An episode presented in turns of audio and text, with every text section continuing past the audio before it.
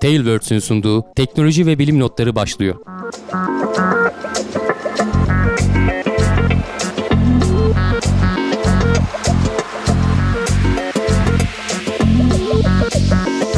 Teknoloji ve bilim notlarına hoş geldiniz. Ben Can Akbulut. Yanımda Hamdi Kellecioğlu ile beraber her hafta olduğu gibi inşallah zevkle yoramaz. Sizlerin karşısındayız. Notlarımızı derledik Hamdi abi. Evet. Gündeme girmeden evvel e, var mı yapmak istediğin bir duyuru? Yok özel bir duyurum şey? yok. Teknoseyir.com adresinden sizlere sesleniyoruz. Bizi YouTube'dan izliyor olabilirsiniz ama ana sitemiz orası. Sosyal medya hesaplarımız var. Ötesinde de eğer Plus abone olursanız bizi şu an izlediğinizden tam bir gün er- erken izleyeceksiniz her hafta. Evet. Evet. Çin'in Ay'a gönderdiği tohumlar filizlendi. Ay'da insanlık bıraktığı izlere bambaşka bir boyuta getiriyor. Ee, Daha önce böyle bir deney yapılmamıştı. Birkaç haftadır konuşuyoruz aslında. Evet. Ayın e, dünyaya bakan tarafı değil de öteki tarafına işte ilk defa indiler. Ve üzerinde taşıdığı şeylerden biri de işte deneylerden biri de kapalı bir kutuydu aslında 20 santime 20 santim. E, o kapalı kutunun içerisinde to- çimlenmeye hazır tohumlar vardı. İşte pamuk var, patates falan da var. E, maya işte çeşitli meyve sineği falan gibi şeyler de koymuşlar. Hani kendi içinde tamamen e, barınabilen e, ve bir ekosistem yaratmışlardı aslında ve bu işte ayda e, mikro yer çekiminde nasıl bir sonuç verecek falan bunlar Evet. denenecekti.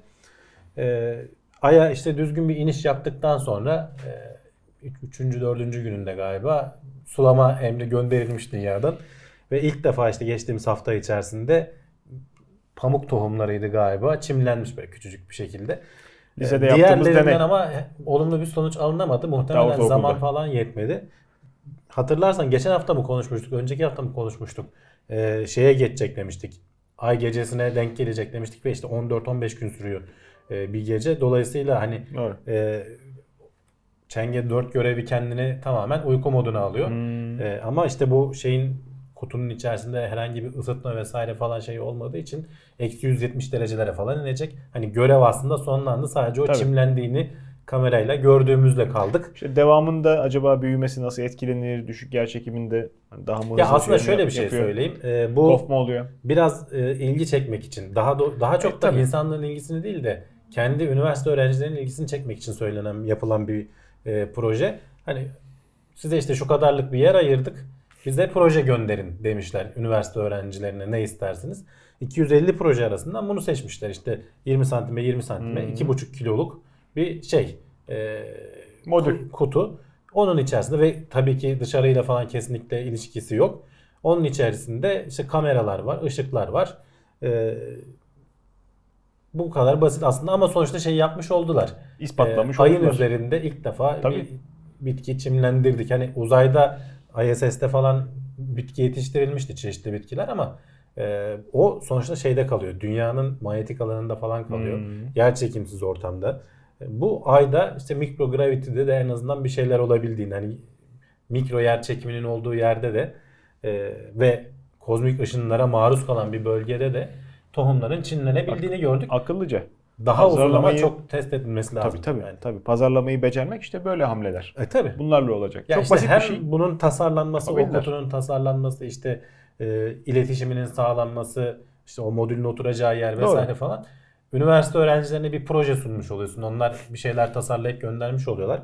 Diğerleri de emin ol o diğer 250 projede son derece ilginç şeylerdir. Muhakkak. Bunu muhakkak. seçmişler aralarında. Ha işte yapılmamış olması herhalde bir adım öne çıkartıyor. Olabilir. Yani olabilir. Bir de belki de hani en değerli getirecek. toplu proje budur. E tabi tabi.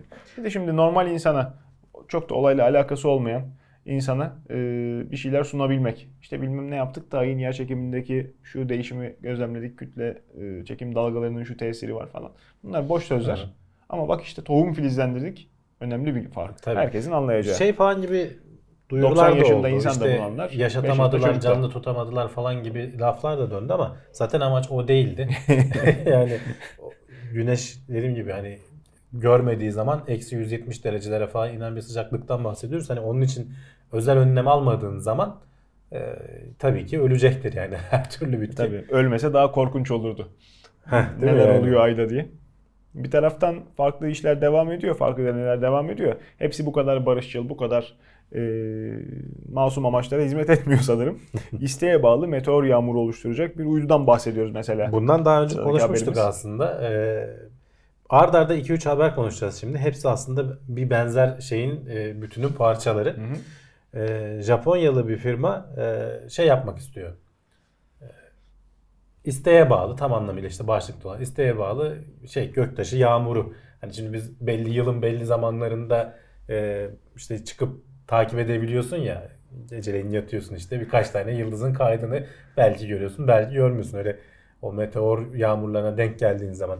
Bunu adamlar senin işte tam istediğin işte atıyorum Cumhuriyet'in 100. yılı 2023 yılına denk getirecek. Harika. Ee, işte şimdi Boğaz Köprüsü'nde havai fişek gösterileri yapıyoruz. Onun yerine e, meteor yağmurları yapacaklar. Yeni yıl kutlamasında Avustralya'ya Veya- geçmek için herhalde Evet yani bulabilmişler.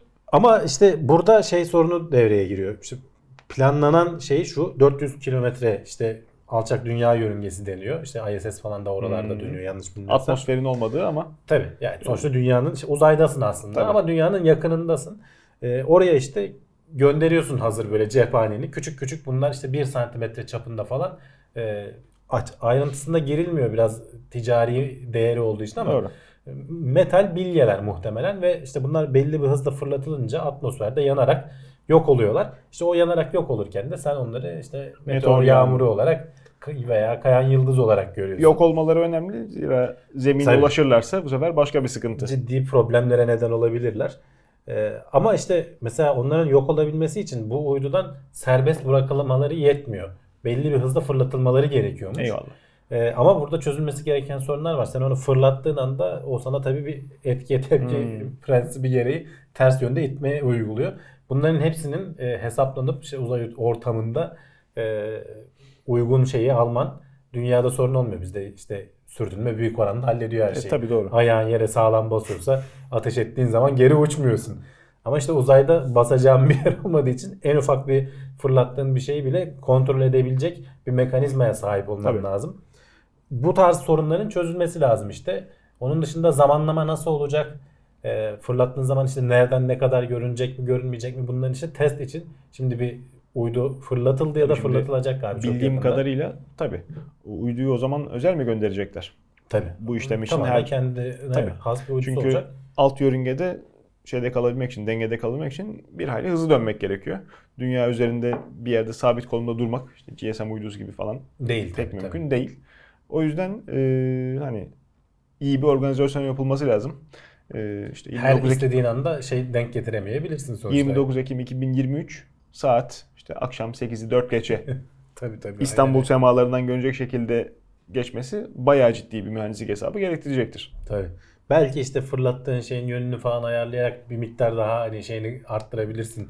Hedeflediğin bölgeyi arttırabilirsin ama sonuçta mesela dikkat etmen gereken şeyler var. Şimdi sıradaki haberler de işte bunu biraz Hmm. destekleyecek. Uzayı gittikçe kalabalıklaştırıyoruz ve böyle küçük küçük hatta biraz da işte ticari şeylerle Uzayı kalabalıklaştırıyoruz demek de güzel tabii. İşte dünyayı yeterince kalabalıklaştırdık yetmedi. Yavaştan doldurduk. alçak dünya yörüngesinden başladık Can. Tabii. İşte Çinliler ayda tohum Hmm. filizlendirdiler falan derken yavaş yavaş oralara da gideceğiz. Evet. Yani Ruslar bir da yandan- reklam koymak istiyorlar Heh, uzaya. Yani işte sonraki haber aynı şey. Ee, bunun farklı bir versiyonu. Ee, onlar da gene küçük küçük mikro uyduları yan yana yerleştirerek e, güneş ışığını istedikleri şekilde mesela harf yazacak şekilde LCD'nin büyüğünü düşün işte. Artık fotoğraf makinelerinde mi adblock koyacağız? Artık Gökyüzü fotoğrafı Ya bunun- çekerken bunun göstermesin diye. şey daha mantıklı bir proje. Bak bu Kayan Yıldız çok daha mantıklı bir proje. Biraz daha kontrolü var. Bundaki şey daha az. Çünkü güneşi yansıttığı için bir kere çok parlak olmaması gerekiyor. Ya batarken ya da doğarken Evet. 6-7 dakikalık süreler içinde bunu yapabiliyorsun. Kendi üzerinde ışık şeyi olsa e, belki bütün gece boyunca falan da yapacaksın ama veya konumuna konumu gereği. E, işte Ruslu bir Rusya Rus bir girişim e, şeyi. Rusçul bir girişim. Az önce de Japonyalı dedim. Bir türlü tutturamadım. Evet, evet. Ee, bir Rus girişim bunu şey yapıyor. Ee, ön ayak oluyor yani biz bu işi yapacağız diye. Ee, ama işte dediğim gibi çözülmesi gereken başka şeyler de var. İstediğin şeyleri yazdırabiliyorsun. Çünkü sonuçta oraya dediğim gibi bir ızgara şeklinde bir sürü uydu gönderiyorlar. Tabii bunların da çözmesi gereken bir sürü dert var. Onların birbiri arasında haberlenmesi, doğru formasyonda durması, işte hangisi açılacak, hangisi kapanacak bunların e, bir şekilde programlanması falan. Artı işte ondan sonra da sıradaki haber bunları yaptıktan sonra bu kadar uyduyu oralara falan gönderdikten sonra bunların başına bir şey geldiği zaman farz et ki bozuldu, dağıldı. E, bir sürü küçük uydu gönderdin sen. Yüzlercesi o yörüngeyi kirletti. Çünkü bunlar çok hızlı döndükleri için çarptıkları zaman falan tetikleyecek şekilde birbirini büyük bir kıyamet senaryosunu oluşturacak şekilde ilerleyerek gidiyor zincirleme. Evet. Bunlar için bir önlemler alınması lazım. Yavaş yavaş artık zamanın geldiği bizim işte gündemimize giren maddelerden de görülüyor. E, Artık bunlar konuşuluyor. İşte Japonya denemeye başladı. Rus girişim firması e, biz bir şeyler yapacağız diyor. İşte özel hayata da bir bakıma artık e, girer hale geldi bu girişimlerin e, yaptığı icraatın boyutu. Çünkü bu seçmeli bir e, opsiyon değil. Yani ben televizyon kanalını değiştirdiğimde senin reklamını görmekten kurtulamıyorum. Tabii. Gökyüzüne ne zaman baksam orada o zıkkımı göreceğim veya Doğru. meteor yağmuru sen herhangi bir şey kutluyor olabilirsin. Türkiye'den görünen Bulgaristan'dan görünmeyecek mi? Adamın umurunda değil 29 Ekim belki. Orada görecek, tedirgin olacak. Yani bunlar e, tesadüfi şeyler değil. E, ciddi ciddi üzerinde kafa yorulan çok e, başka insanların da hayatını etkilemesi umursanmayan şeyler. Hı. Bu bakımdan birilerine bir hani e, dur denmesi lazım. Ya işte bu bir ara biz zaman zaman konuşuyoruz. Uzay hukuku dediğin şey Tabii. artık yavaştan daha çok gündeme Tabii. geliyor. Çünkü ihtiyaç doğuyor. Mesela geçen sene ihtiyacı- Amerika'da yaşanan olaylardan biri e, Doğruyoruz. e, bu küçük uydu fırlatma şeyi üzerine bir firma vardı işte neydi? Space B denilen böyle Evet, artık evet. nano satellite da değil.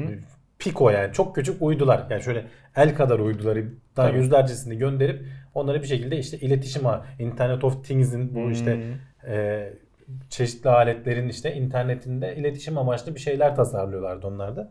FCC izin vermedi. Sebebi de şu. e, çok küçük uydular oldukları için biz bunların herhangi bir sorun yaratıp yaratmayacağını takip takip, edemeyiz. Tabii. E, sen buraya gidip de bunları fırlattığın zaman e, başımıza iş alırız. Belli bir büyüklükte olması lazım. Çünkü bu Şimdi uyduların hepsi takip ediliyor. Bunları unuturuz. Günün birinde 35 olur. sene sonra tutar bir tane daha işte o zaman artık roket mi uzay mekiğinin yerine ne Yalnız bu firma şöyle bir şey yaptı. Çarpı. Artık e, küresel çapta bir hukuk sisteminin oturtulması gerektiğini şuradan anlıyorsun. E, Firma evet. FCC'yi sallamadı. E, gitti Hindistan'dan e, özel bir fırlatma şirketiyle anlaşıp kendi uydularını öyle fırlattılar. FCC bunun üzerine 900 bin dolar mı ne ceza kesti bu adamlara ama diyorlar ki bu adamların aldığı yatırım bilmem ne falan bu cezanın yanında hiç şey kalmaz yani etkilemez. E, cezayı öder işlemi yapmaya devam eder. Ama işte hiç beklenmedik sonuçları olabilir. Mesela şimdi bu firmanın fırlattığı o Pico uydulardan biri bir şekilde bozulsa ve gidip işte Çin'in bir uydusuna zarar verdiğini düşün. Şimdi Amerika'yı suçlayacak senin işte senin firman şey yaptı. Ee, Amerika diyecek ki biz fırlatmadık, izin vermedik. Hindistan üzerinde. Hindistan da bir miktar sorumlu çünkü fırlatmayı onlar gerçekleştirmiş. Yani o kadar beklenmedik sonuçları olabilir ki politik açıdan da, siyasi açıdan da bunların bir şekilde regüle edilmesi gerekiyor. Daha kötüsü o uyduların hiçbir dahli olmaz. Başka bir parçacık gelir zarar verir. Oradan Suç oraya kalır tabii. Evet, evet yani veya gerçekten de o uydular sanki hani yanlışlıkla olmuş gibi gidilip şey yapılabilir. Evet tabii canım. Sonuçta hani Amerika'nın uzay e, gücü kurduğu Soğuk savaş dönemlerden zamanı bahsediyoruz artık. Doğru söylüyorsun. Soğuk savaş zamanında Rusya denemiş nükleer bomba patlatmayı. Hı hı. Atmosferin üst tabakalarında işte uydu yörüngelerinin e, hizasında e, pek bir şey etki etmediğini gözlemlemişler ama maksatları yani Amerikan casus uydularını bertaraf etmek. Bu yapılabilen bir hamle hareket olarak. Yani Ee, doğrudan hedef almadan kazayla yaptık yanlışlıkla Kaza oldu. süsü verirsin. Sen bir sürü işte 98 yılından kalma ekran kartını uydu gönderdim diye salla uzaya. Değil mi? Bir elektronik çöp yazıcı yoldan doldur çuvala. İşte kendini de etkilemeyecek şekilde yapmam lazım ama. Yani Canım o işte. kadar kontrolsüz yaparsan zaten yandık yani. Kendin işte kendin işte sonuçta sonraki bunların aşamada hani düşünürsün. Artık e, ülkelerin tek başına yapması da yetmiyor. Ve bir de işte maliyetler gitgide azaldıkça e, özel girişimler bu işleri daha çok gündeme getirmeye ve bir şeyler yapmaya başladılar. Rekabet arttıkça SpaceX de fırlatmaya kalkıyor. İşte Hintli bir firma da fırlatmaya kalkıyor. E tabi Ee, para. Japonya'sı ayrı, Avrupa'sı ayrı, Çin ayrı, Rusya ayrı. Yani herkes birbiriyle yarıştığı için sonuçta bir gelir getirmek için alıp fırlatıyordu adam. Neyi fırlattığını da önemsemiyor. Bunların Tabii bir şekilde regüle edilmesi lazım. Yavaş yavaş bunun altyapısının yapılması lazım ama hani henüz bu yönde bir çalışma var mı yok mu açıkçası da emin değilim. Dediğin gibi bir tek Trump'ın uzay gücü projesi var. Uzay Evet. askerleri. bir taraftan da evreni idrak ettikçe teknolojimizin el verdiği ölçüde etrafı gözlemleyebiliyoruz. Geçtiğimiz 50 senede mi diyelim e, 40-50 senede çok ciddi manada insanoğlu e, uzay çalışmalarındaki ufkunu genişletti. Son geldiğimiz aşamada artık ışık hızının evren boyutu karşısında yetersiz geldiğini e, Ya zaten olumsuz. biliyorduk e, hani sonuçta bilmediğimiz bir şey değil ama çok güzel animasyonlar yapmışlar. Daha iyi kafanda canlansın diye e, bir üzerinden geçelim dedim ben. E, hafta sonu ben Twitter'da da paylaştım. İzleyen izlemiştir izleyicilerimiz arasından. E, sonuçta ışık hızı hani bizim boşlukta bildiğimiz evrendeki en hızlı üst limit artık hani onu E, tabii. aşamıyorsun. İşte yaklaşık saniyede 300 bin kilometre. E, hatta tam söylersek 299.792 kilometre yani 300 bine çok yakın. E, dünyanın çevresini 7,5 saniyede 7,5 kere dolaşabiliyor. 40 bin kilometre olduğunu düşünürsen kabaca. 7,5 kere saniyede dolaşabiliyor. Dünyanın çevresi ne kadar büyük düşün bizim algımıza göre. Tabii. Ama işte mesele şey yapmaya başladığın zaman biraz artık uzaklaşmaya başladığın zaman mesela Ay'a e, gitmeyi şey yaptığın zaman 1.22 saniyeye çıkıyor gönderdiğin hı. mesaj gitmesi ve geri gelmesi de bir o kadar daha. Tabii. Nispeten sorun değil. O kadar gecikme olur.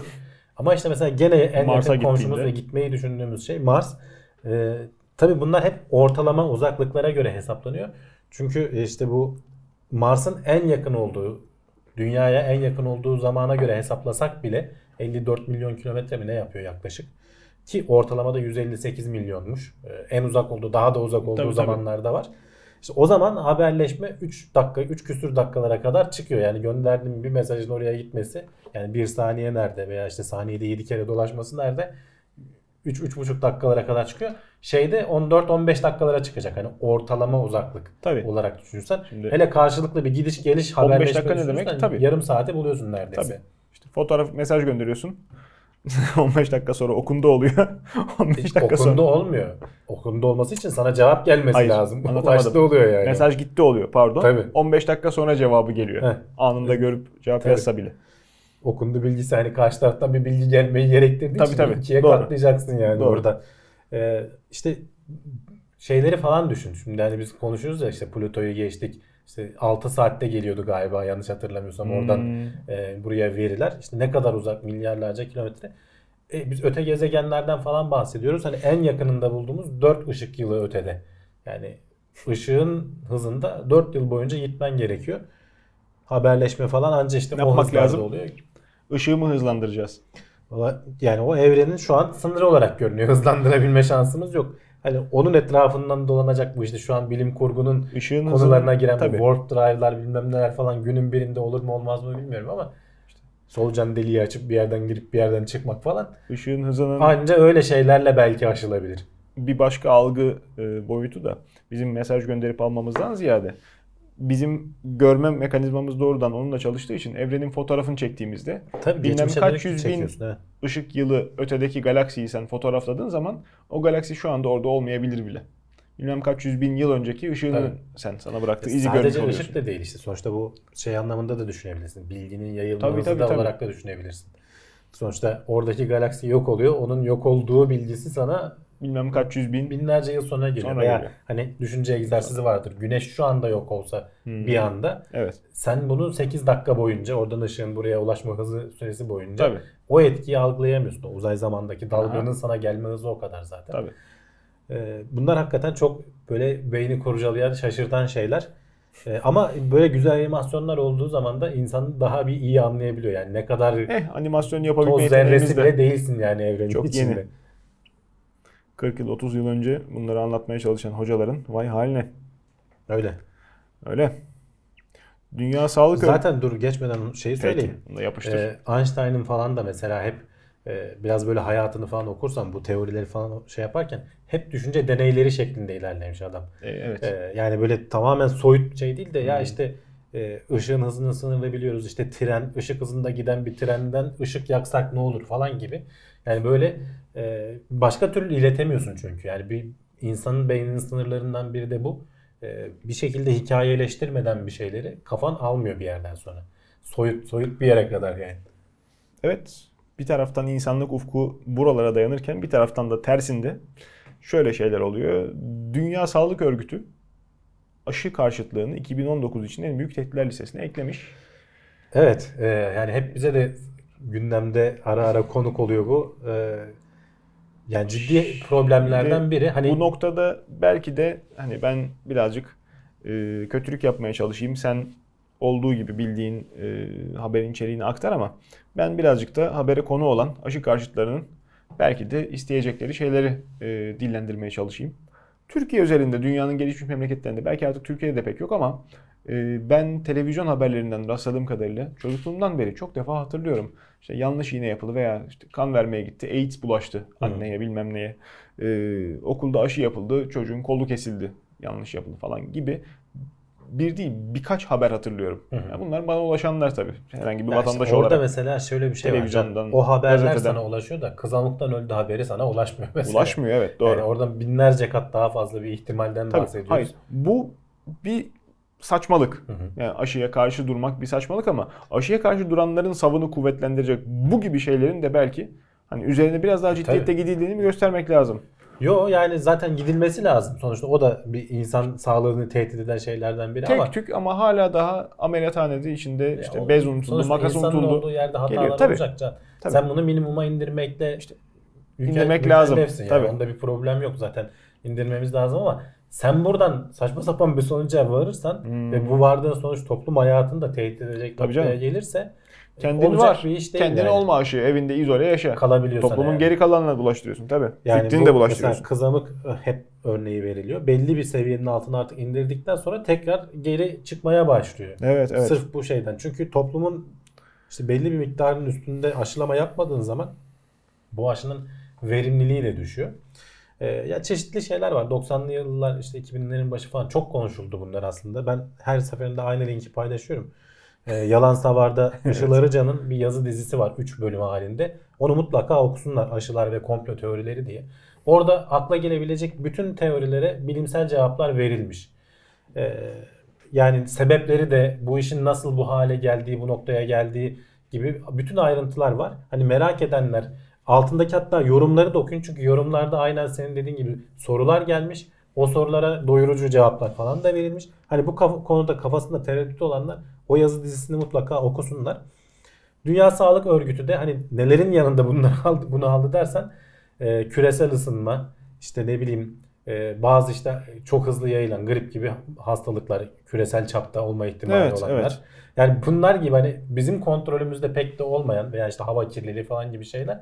Bir yandan da bu var hani insanın sırf kendi kendine ürettiği e, garip bir şekilde ortaya çıkan şey de diyorlar aşı karşıtlığı demiyorlar da aşı tereddütü diyorlar. Çünkü tereddüt Yani göstermek de şey e, bu konuda etkili olabiliyor. Uygulamalar aslında bu noktada işte üzerinde durulması gereken uygulamanın titizliği, hassasiyeti. işini iyi yapan bir sürü sağlık çalışanı var.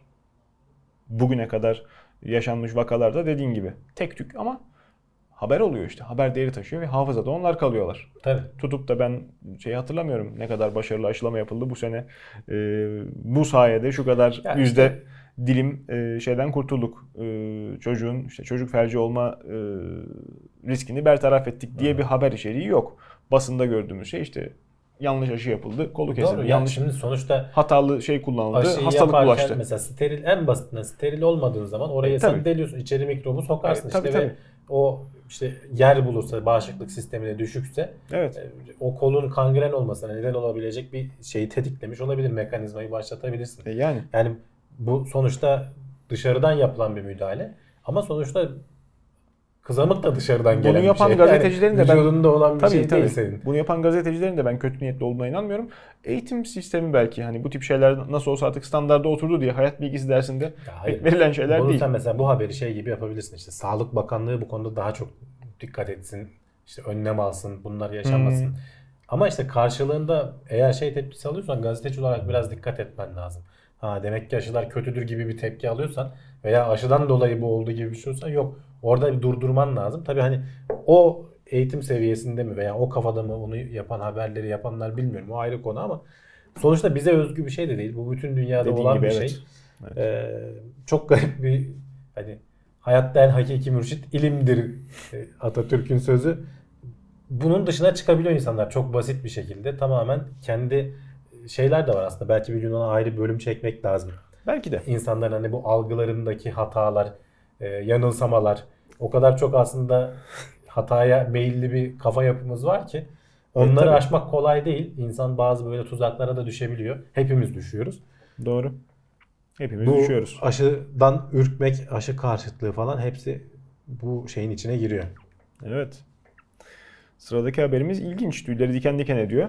Avrupalı fizikçiler neyin peşinde? Hamdi abi sen bunu bize bir izah eder misin? Avrupa'da CERN diye geçiyor bilirsin veya Aha. işte LHC diye Büyük Hadron Çarpıştırıcısı diye. Evet. Orada bir parçacık BHC değil de. LHC diye geçiyor. Ne hikmetse. Ve İngilizce kısaltmayı söyleyip Türkçesini Güzel ama. İngilizce diyorsun. Şimdi e, hatırladığım kadarıyla bu ilk e, çalışılmadan evvel hadron çarpıştırıcısı e, potansiyel risklerden bahsediliyordu. Hı, kara delik oluşturmak Kara delik oluşturmak da risklerden bir tanesiydi. Hani yeteri kadar küçük belki ama bunu niye alıyoruz? Daha büyüğünü niye yapmaya çalışıyoruz? Doymadık mı? Canım sonuçta şey riski de var. Dünyaya göktaşının çarpıp yok olma riski var ama yani milyarda bir riskten bahsediyorsan bilmiyorum ama Peki. hani ciddiye alınabilecek pek bir şey değil. Eh. Ee, ama işte en çok hani nerede duyduk bunu? İşte bu e, hani tanrı parçacığı da deniyor ya Hmm. gazetecilerin Evet. başlığıyla söyleyeyim. Higgs bozonunun işte 2012 yılıydı Tanrı'nın galiba. cezası parçacık. e, bulundu diye açıklanmasıyla. Tabii Hmm. 1960'larda teorik olarak ortaya atmış Evet. e, atılmış ama işte bulunması ve ispatlanması teknolojinin ilerleyip de işte anca oraya gelmesiyle 2012 yılında falan mümkün olabildi. Ya bu parçacık hızlandırıcılar, yüksek parçacık fiziği, yüksek hızlı parçacık fiziği diye apayrı bir dal var.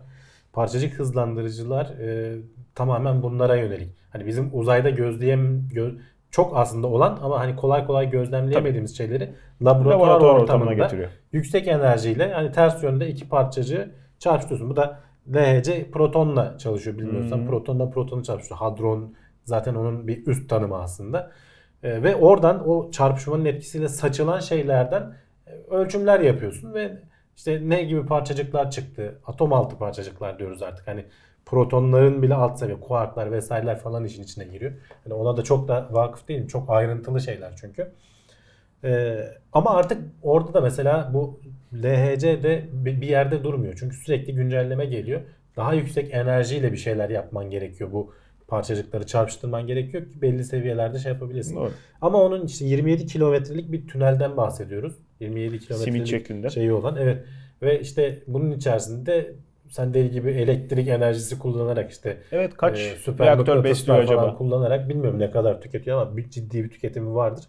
Ki hani pek çok ülkenin ortak çalışmasıyla zaten hayata geçirilebiliyor. E, çünkü milyarlarca dolar E, öyle. harcanıyor bu Hatta işte. euro diyelim. Karşılığında da aldığın itibariyle. son derece aslında teorik şeyler. Hani teorik şeylerin test edilmiş. Bunların hani doğrudan sana yansımaları mutlaka oluyor ama E, Yani bunu işte kolay kolay anlatamıyorsun yarın bir kimseye. gün piyasaya tutup da işte bakın teflon tava bu CERN'deki çalışmalardan dolayı çıktı denmeyecek. Denemeyecek. Ama veya- mesela internetin vesairenin falan hep temelinde bu CERN'deki çalışmalar da var aslında. Hani oralarda öyle, kullanılması falan söz konusu. Çok eski yani hani bir yandan da hani alt şeyi onun için söylüyorum. Doğru. Dünyanın başka yerlerinde başka hızlandırıcılar da var ama şu anda yanlış bilmiyorsam en hızlısı bu. Ama bunun da sınırlarına dayanmış durumdayız. Hmm. Çin'de galiba bir tane yapılıyor ya da başlanmak üzere yapımına. Ee, bundan daha güçlü olacak olacağı söyleniyor.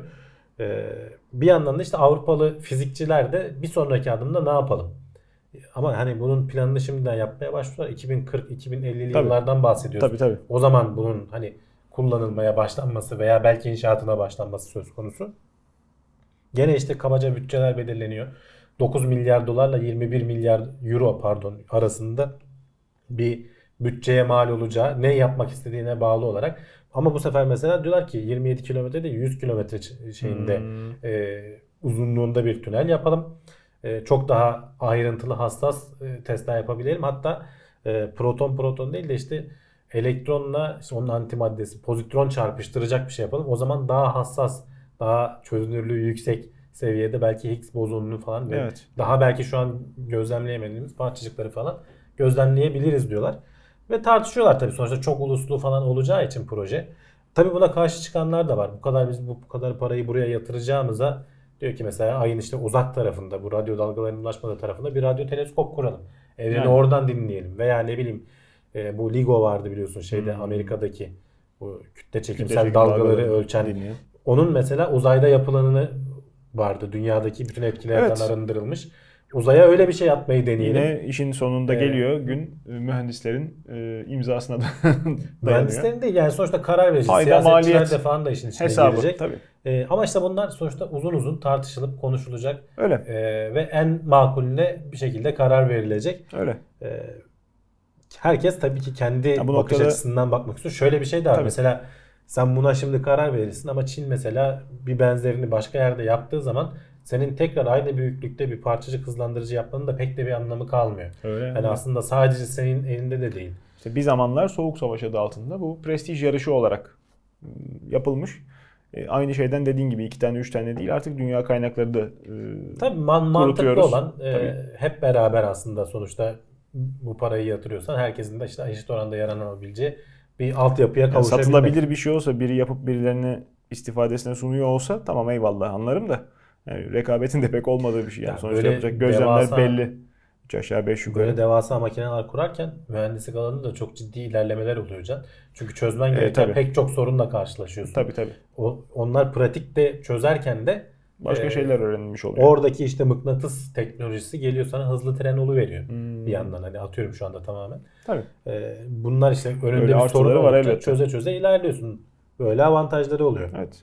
Ömrümüz yeter mi bilmiyorum ama bakalım. Bakalım. Dediğin gibi belki de CERN'ün nimetlerinden daha yeni istifade etme aşamasındayız. Dur bakalım. Tabii. Ya işte o zaten bir kere de bit- bitmiyor. Yani yapıyorlar. Sonra Tabii canım. geliştiriyorlar. Hatta ara ara duruyor şey haberine haberlerde çıkıyordur. İşte en basit Tekrar çalışmaya başladı falan gibi de oluyor. betonarme baraj inşası bile bugün gökdelenlere ön ayak olmuş. E tabii. Ee, 100 küsur yıllık mı? Yanlış hatırlamıyorsam bir mazisi var. Betondan baraj yapma. İşte çimentonun büyük hacimlerde ortasında e, egzotermik reaksiyon Hı hı.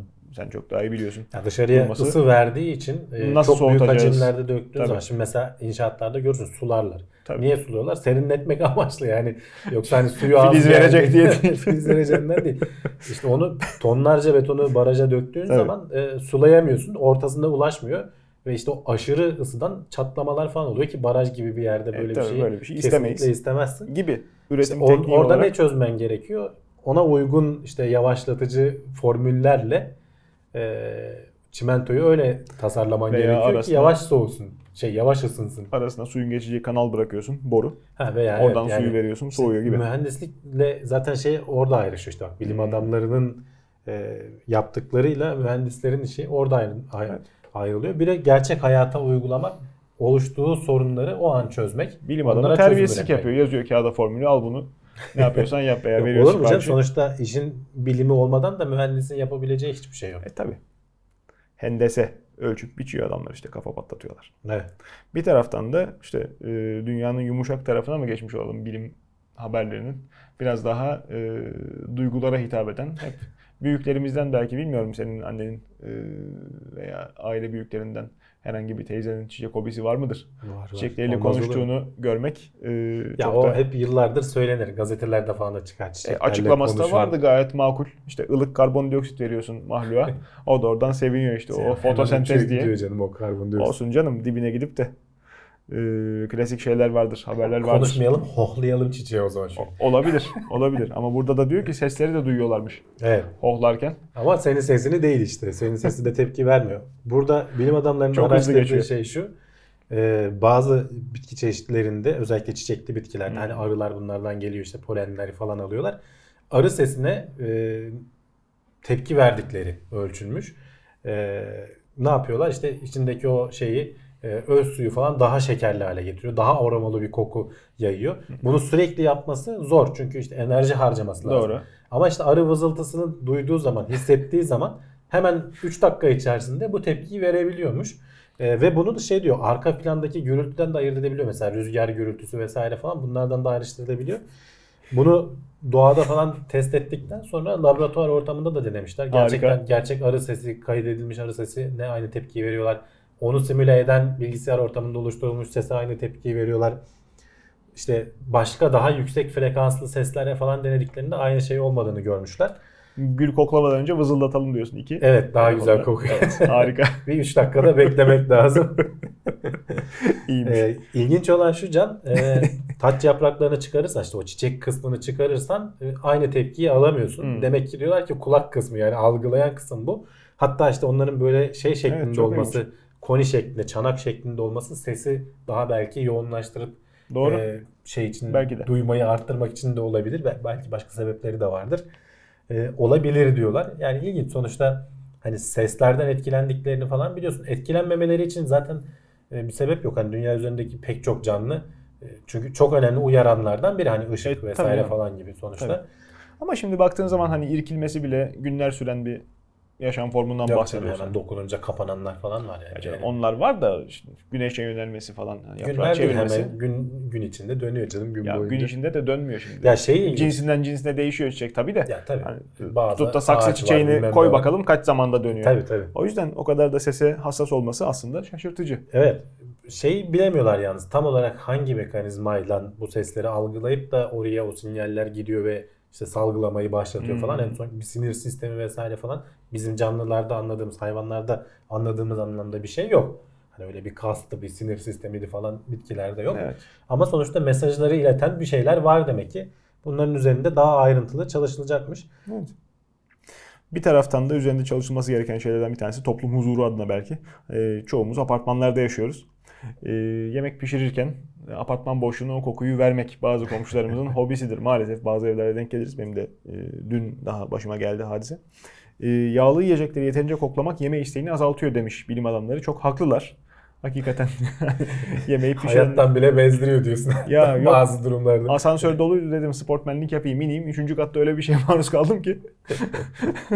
İnmez olaydım. Keşke Ya çıksaydım evet yani. e, ama bu güzel Oluyor kokular. bazen. Bunlar insanı bezdiren kokular değil. Hem Mesela diyor ki e, gene okul, bu- bunun tabii doğrudan yansıması şey okul çocuklarına ve işte mesela daha sağlıklı yiyecek tüketmesini istediğimiz özel Hmm. hedef kitleye yönelik kullanabiliriz. Diyor ki sen şey yaptığın zaman işte mesela canın işte pizza çekti veya böyle bol karbonhidratlı bir yemek çekti. Diyor ki yağlı veya işte karbonhidratlı bir yiyeceğin kokusunu 2 dakika falan maruz kaldıktan sonra beyindeki o e, şey sinyali, tatmin olma sinyali tetikleniyor. Aynı yemiş kadar oluyorsun. Dolayısıyla gidip onu almıyorsun. Hatta bunu da denemişler işte. Ee, 900 çocuk üzerinde bir test yapmışlar. Normalde işte kantine gelip e, zararlı yiyeceklerden alma oranları herhangi bir koku yokken ortamda 30 %36 buçukken e, ortama işte kurabiye kokusunu vermişler. Gene işte böyle e, şey yapacak bir kokuyu vermişler. Bu oran %21 buçuklara kadar düşmüş. Daha çok can Elma çeker kokusu zannediyorum insan. verdiklerinde e, %37'lere kadar düşmüş. Daha çok canın çekiyor. İlk kokuyu aldığın anda. Hmm. Ama 2 dakika o 3 dakika o kokuya maruz kaldığın zaman tatmin oluyorsun. İlginç. Yani e, şey günlük hayatta hepimizin test ettiği o ilk giriyorsun böyle şeye fırına, Fırına, mis ha. gibi kokuyor ağzın sulanıyor değil mi? Tamam bu oluyor zaten bunda bir şey yok. Ama 2 dakika 3 dakika orada durup da o kokuyu böyle çektiğin zaman hakikaten tatmin olmuş bir şekilde Az evvel daha sağlıklı yiyeceklere yönelebiliyorsun. istatistiklerde hata mı oldu sen söylerken? %36 demiştin. 36'dan 20 küsürlere düştü. Sonra %37 dedin elma, Elma katıldığında. kokusu verildiğinde %37'ye sağlıklı- çıkıyor. Tabii. Düşmüyor. Tamam. Yani şey, şeye çıkıyor. Neredeyse aynı işte. Hiç koku olmayanla aynı. Eyvallah. Arasında bir fark yok. Ee, sağlıklı bir yiyecek kokusu olarak düşün. Anladım. kokusu da güzeldir aslında ama hani E, karbonhidrat hissi getirmiyor Tabii, sana. tabii. Yani bol böyle şeker hissi getirmiyor. Izgara et tütsülenmiş. Ona yani, işte bu Yok şey için kullanılabilir diyorlar. Ee, sağlıklı beslenmek için e, özellikle de çocukların hani hedef kitle böyle Evet. e, kantinler, okul şeyleri. Çünkü çocuğa hani şey diyorsun ne kadar etkili oluyor işte sağlıksız beslenme, cips yeme, şunu yama- yapma falan diyorsun. E şimdi insanın tabii Ya şey, adam öbür kendimize tarafta reklama şey koyuyor. yapamıyoruz, laf Cipsimizden çıkan şekillerden hayvan bul. Hayvana benzeyenini bul, fotoğrafını gönder, bilmem ne yap diyor. O ayrı. Onlar Çocuğa- başka kandırmacalar zaten. Tabii evet. canım. Yani sen bir kandırmaca veriyorsun ama çok daha caziplerinin üzerinde reklamcılar kafa patlatıyor yıllardır. Çok daha ileri vaziyetteler. Yani koku duygusu Ama ilginç, sonuçta e, zaten hani tat ve koku duygusu birbirine çok yakın. Beyinde aşağı yukarı aynı E, yerlerde falan şey yapıyor. E, tatmin hissini yaratması hakikaten yani yemiş kadar olmuş o şeyi bana şaşırtıcı geldi. Evet bir zamanlar ekmek makineleri vardı ya. Çok hala var da işte çok e, yeni çıktıklarında reklamları yapılıyordu. E, onun en sevilen kullanım senaryosu sabah saatine e, pişirme ayarı kurmak. İşte saat kaça kuracaksan 6'ya mı 7'ye mi? Ekmek o saatte. Değil mi? Hem e, kokusuyla uyanıyorsun hem de Ekmek kokusuyla uyanmak nedir biliyor musun? İşte güzel olur yani. İşte güzel olur. E, burun beyne doğrudan mı bağlı nedir? Arada hiç filtre Tabii, olmadan tabii. mı koku sinyali gidiyor? O yüzden e, çok daha net Zaten ilk intiba için de insanların hani parfüm seçiminden bahsedilir. Farklı makalelerde e, denildiğini görmüştüm. Tabii tabii. E, insanoğlu hiç farkına varmadan ambiyans kokusundan etkilenerek e, ortamı daha kaliteli veya daha Veya işte bir şeyin kokusunu alırsın. Geçmişteki bir anı bile Aa, hatırlayabilirsin yani. evet birçok çocuğun da bu deney yüzünden kurabiye ile arası bozulacak desene. Annem bir zamanlar işte Marshall yardımıyla Türkiye'ye gelen e, eğitim sisteminin e, hatıralarını paylaşır. Cheddar peynirinden hala nefret eder. Sarı peynir, süt tozu bir zaman vermişler, Süt dağıtmışlar. evet. Mecbur. Kaynatıyorlar kazanda diyor. O kokuyu aldı mı sıcak süt içemez. Hala daha kadıncağız. Cheddar peynirini gördüğümü uzaktan irkilmesine yeter. Onun gibi şimdi bu çocuklar da hayatları boyunca kurabiye yemeyecek belki. Seve seve. Evet, bir şeyi en iyi şekilde, en verimli şekilde öğrenmek için ne kadar hata yapmak lazım? İnsan yanıla yanıla öğrenen canlı, e, deneme yanılma metoduyla öğrenen canlı diyoruz. Ee, bunun bir alanı var mı? 100 kere yanılalım, 101. de doğruyu mu yapalım yoksa Ya şöyle Can, ilginç bir yazıya denk geldim bu hafta. Ee, diyor ki sen bir konuyu öğrendiğin zaman mesela veya bir ders aldığın zaman üniversitede düşün. O dersten hep A alıyorsan sınavlarında o ders sana hafif geliyordur. E, evet, Ee, doğru. Ama hep D alıyorsan da senin seviyenin çok ötesindedir. Hmm. Aşırı zorluyordur. Yani bu ikisi de verimsiz şeyler. E, doğru. Senin kendin için tamam bütün sınıf için olduğu zaman hani bu dediğim şey çok geçerli olmuyor. Orada bir ortalamayı tutturman gerekiyor. E, dersin yo- ağırlığı, zayıflığı anlamında ama kendi öğrendiğin zaman düşünürsen bir şeyi en verimli şekilde en az zaman harcayarak öğrenmek için ne kadar hata yapmalısın? Hangi seviyede bunu şey yapmalısın diye bir yazı okudum. Gerçekten de ilginçti. Diyorlar ki %85 oranında doğru cevaplayabilmen lazım. %15 oranında da yanlış yaptığın zaman en verimli şekilde bir konuyu öğreniyorsun. Buna Vay da nasıl ulaşmışlar? Ee, bu işte yapay zeka derin öğrenme sistemlerini eğitirken e, ne kadar hata doğru oranlarını yakalarsak en hızlı sonuca ulaşıyoruz gibisinden bir araştırma sonucunda bu çıkmış. Yani 85'e 15 kuralı deniyor da buna zaten. 80'e 20 falan da vardır.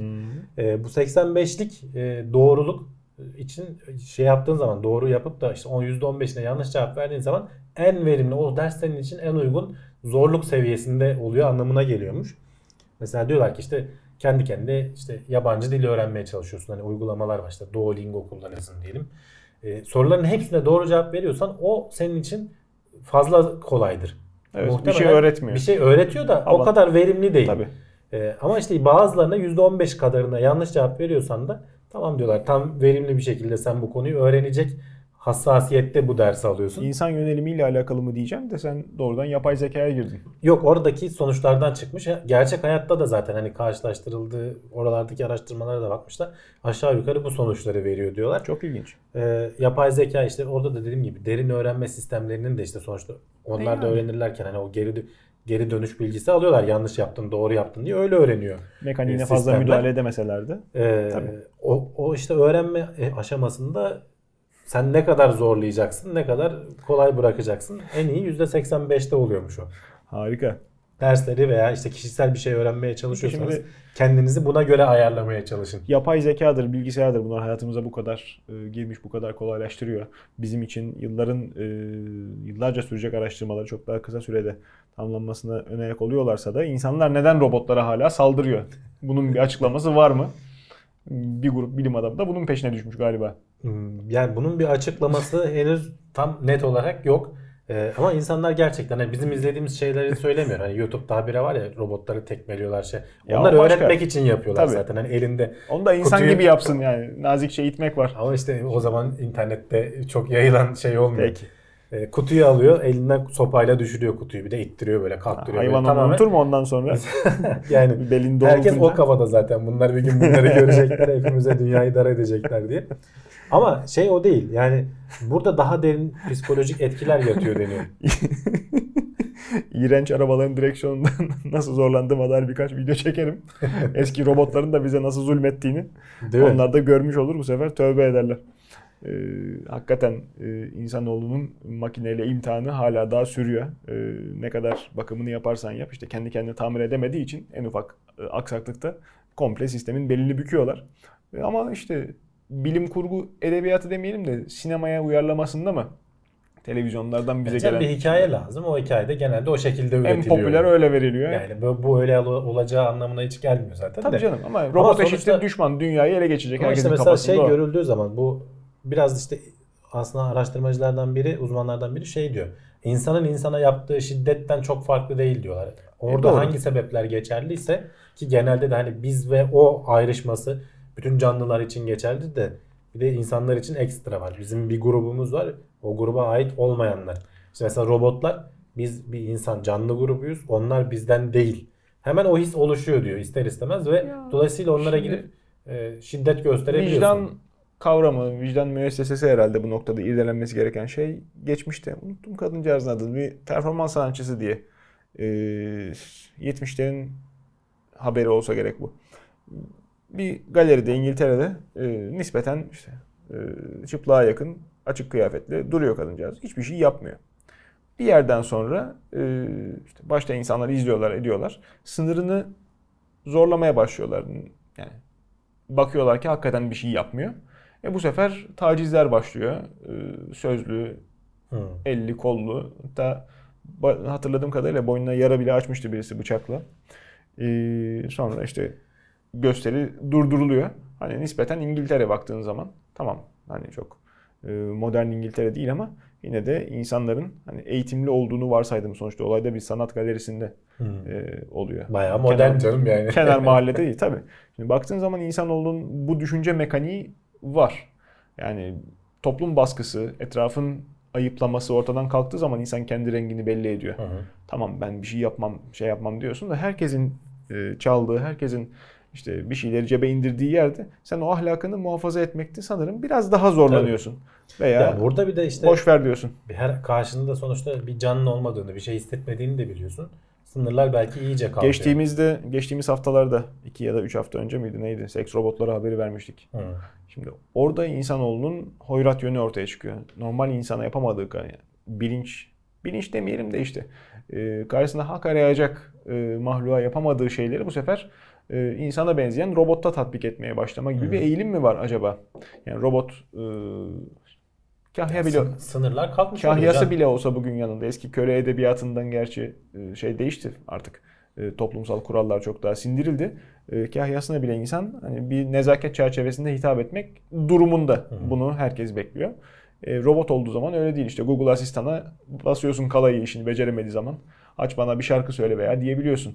Evet. Yani müsaitsen bana Ya, bir şey okur Ama işte mesela değil. ilginç şeyler de var. Ee, bu özellikle şeylerin bu bu alandaki girişimci firmaların başına geliyor. Şimdi böyle büyük fuarlarda veya alışveriş merkezlerinde e, bu işte hostes robotlar falan koyuyorlar. Seni Evet, bir yerden evet, bir yere evet. götürüyor veya danışman robotlar. Bunlara karşı mesela Tabii. ciddi e, fiziksel şiddet olayları. Tabii Bayağı canım. çoluk çocuk geliyor girişiyorlar alete. E, tabii. Alet hatta onun şeyleri de var. Ee, nasıl bir mekanizmayla çocukları önünde durmayız, kaçarız. İşte en sonunda çocuklar etrafında halka oluşturuyorlar. Alet kalıyor böyle içinde. Hani mühendisler onu da çözmeye çalışıyor yazılımla. Hani biz hangi yoldan ilerlersek insanlarla çarpışmadan veya onlar önünde rahatsız ediyorsa ne yapıp e, kaçabiliriz Çocuk beyni yapılıyor. eğitilmemiş insan beyni olduğu için aslında tam bir pisliktir. Ama Bu mesela gibi onların da durumlarda kendi yöntemlerini arkadaşlarına da zulmederler. Tabii. Bir farklılığını gördükleri Ederler zaman işte eğitmezsen, kulağını bükmezsen. sınır burada daha da şey oluyor aç, aşılmış tabii canım, oluyor yani. tabii. özellikle. Ama mesela nerede duruyormuş? Özellikle anaokulu çocuklarında o robota bir isim verdiğin zaman hemen insanlaştırmış oluyorsun sen onu. Evet. Artık o e, işte robot olmuyor da işte atıyorum Alex oluyor bilmem ne oluyor. Bir, bir şey verdiğin zaman bir arkadaş oluyor. O, o zaman onu da böyle bir insan gibi davranmaya başlıyorsun. Acır gibi. Ve bu şey sefer de yapıyorsun. abartıyorsun. İşte insanlaştırmış oluyorsun. Ama işte orada, orada robotun şekli şemali falan da önemli. E yani. Ee, girişimcilerden biri şeyi fark etmişler. Mesela diyor ki alışveriş merkezinde artık şu yöntemi bulduk diyor. Gittiğin zaman doğrudan robotu orada hizmete sokarsan çok ciddi darp ediliyor robotun. Ama öncesinde etkinlikler yaparsan işte onun tanıtımını yaparsan hatta belki isim verme yarışması falan yaparsan Hmm. ve o robota bir isim verdirtirsen oradaki ahaliyle o zaman çok ciddi anlamda şey düşüyormuş. Ee, robota zarar verme işte şiddet eğilimleri insanların düşüyormuş. Gerçekten enteresan. Ama bir yandan da mesela şeyi hatırlarsan e, eskiden de vardı Anadolu'nun e, köylerinden geçerken tren taşlanırdı. Şimdi aynı etki sürücüsüz otomobiller için Amerika'da falan gözlemleniyormuş. Evet. Ciddi anlamda taşlanmaya maruz kalıyormuş otomobiller. Taşlanma da olur ya bak e, sürücüsüz otomobiller. E, Levent abiyle bir programını çektik. Otoseyir bünyesinde. E, çok yakında yayına girecektir. E, orada da uzun uzun konuştuk. CES fuarında artık geleceğin otomobili e, kavramının bir hayli yani algı olarak değiştiğini Hı hı. e, bizlere duyurmuş oluyor. E, ciddi manada geliştiriciler. Otomobil içerisinde aslında insanın bulunduğu mekanik kılıf. Yani Evet. İçinde insan olduğunu biliyoruz, adam olduğunu biliyoruz. O insana saygı var araç yolda giderken. Aracın kendisinin bir hükmü yok.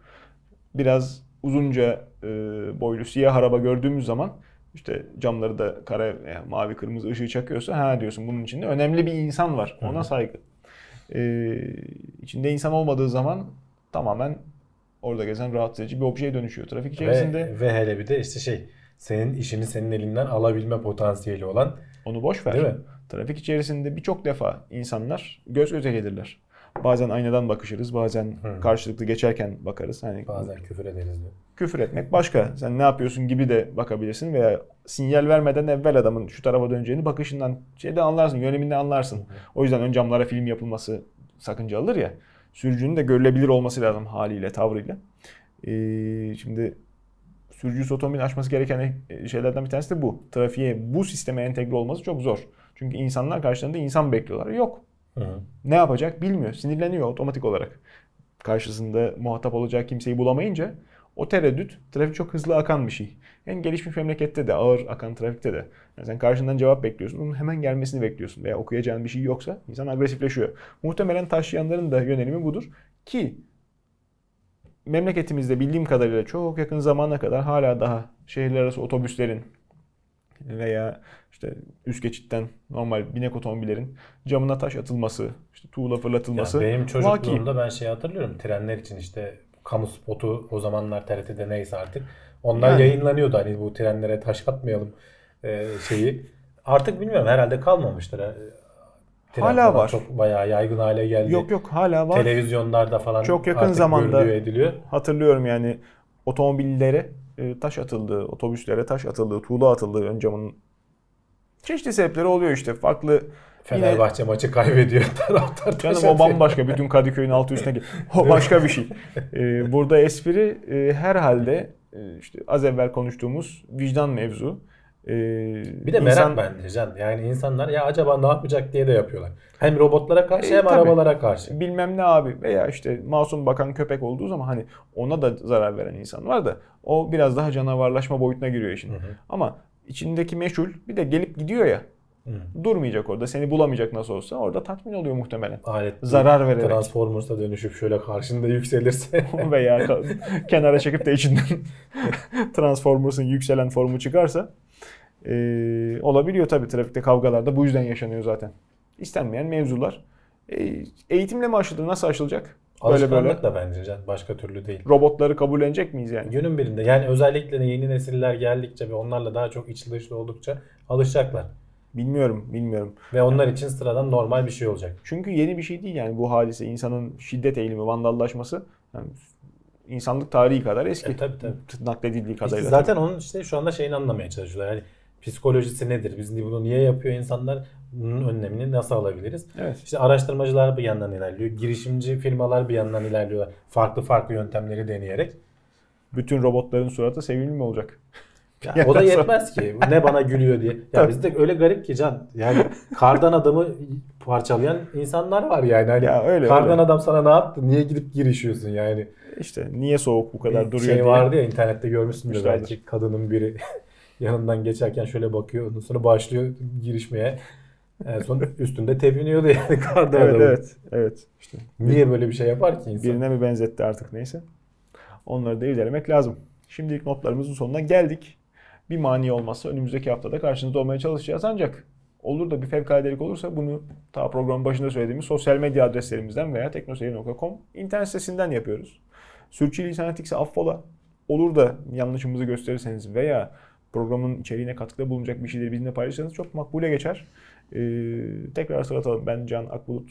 Yanımda Hamdi Kellecioğlu ile beraber sizlere teknoloji ve bilim notlarını sunduk. İyi seyirler. Hoşçakalın.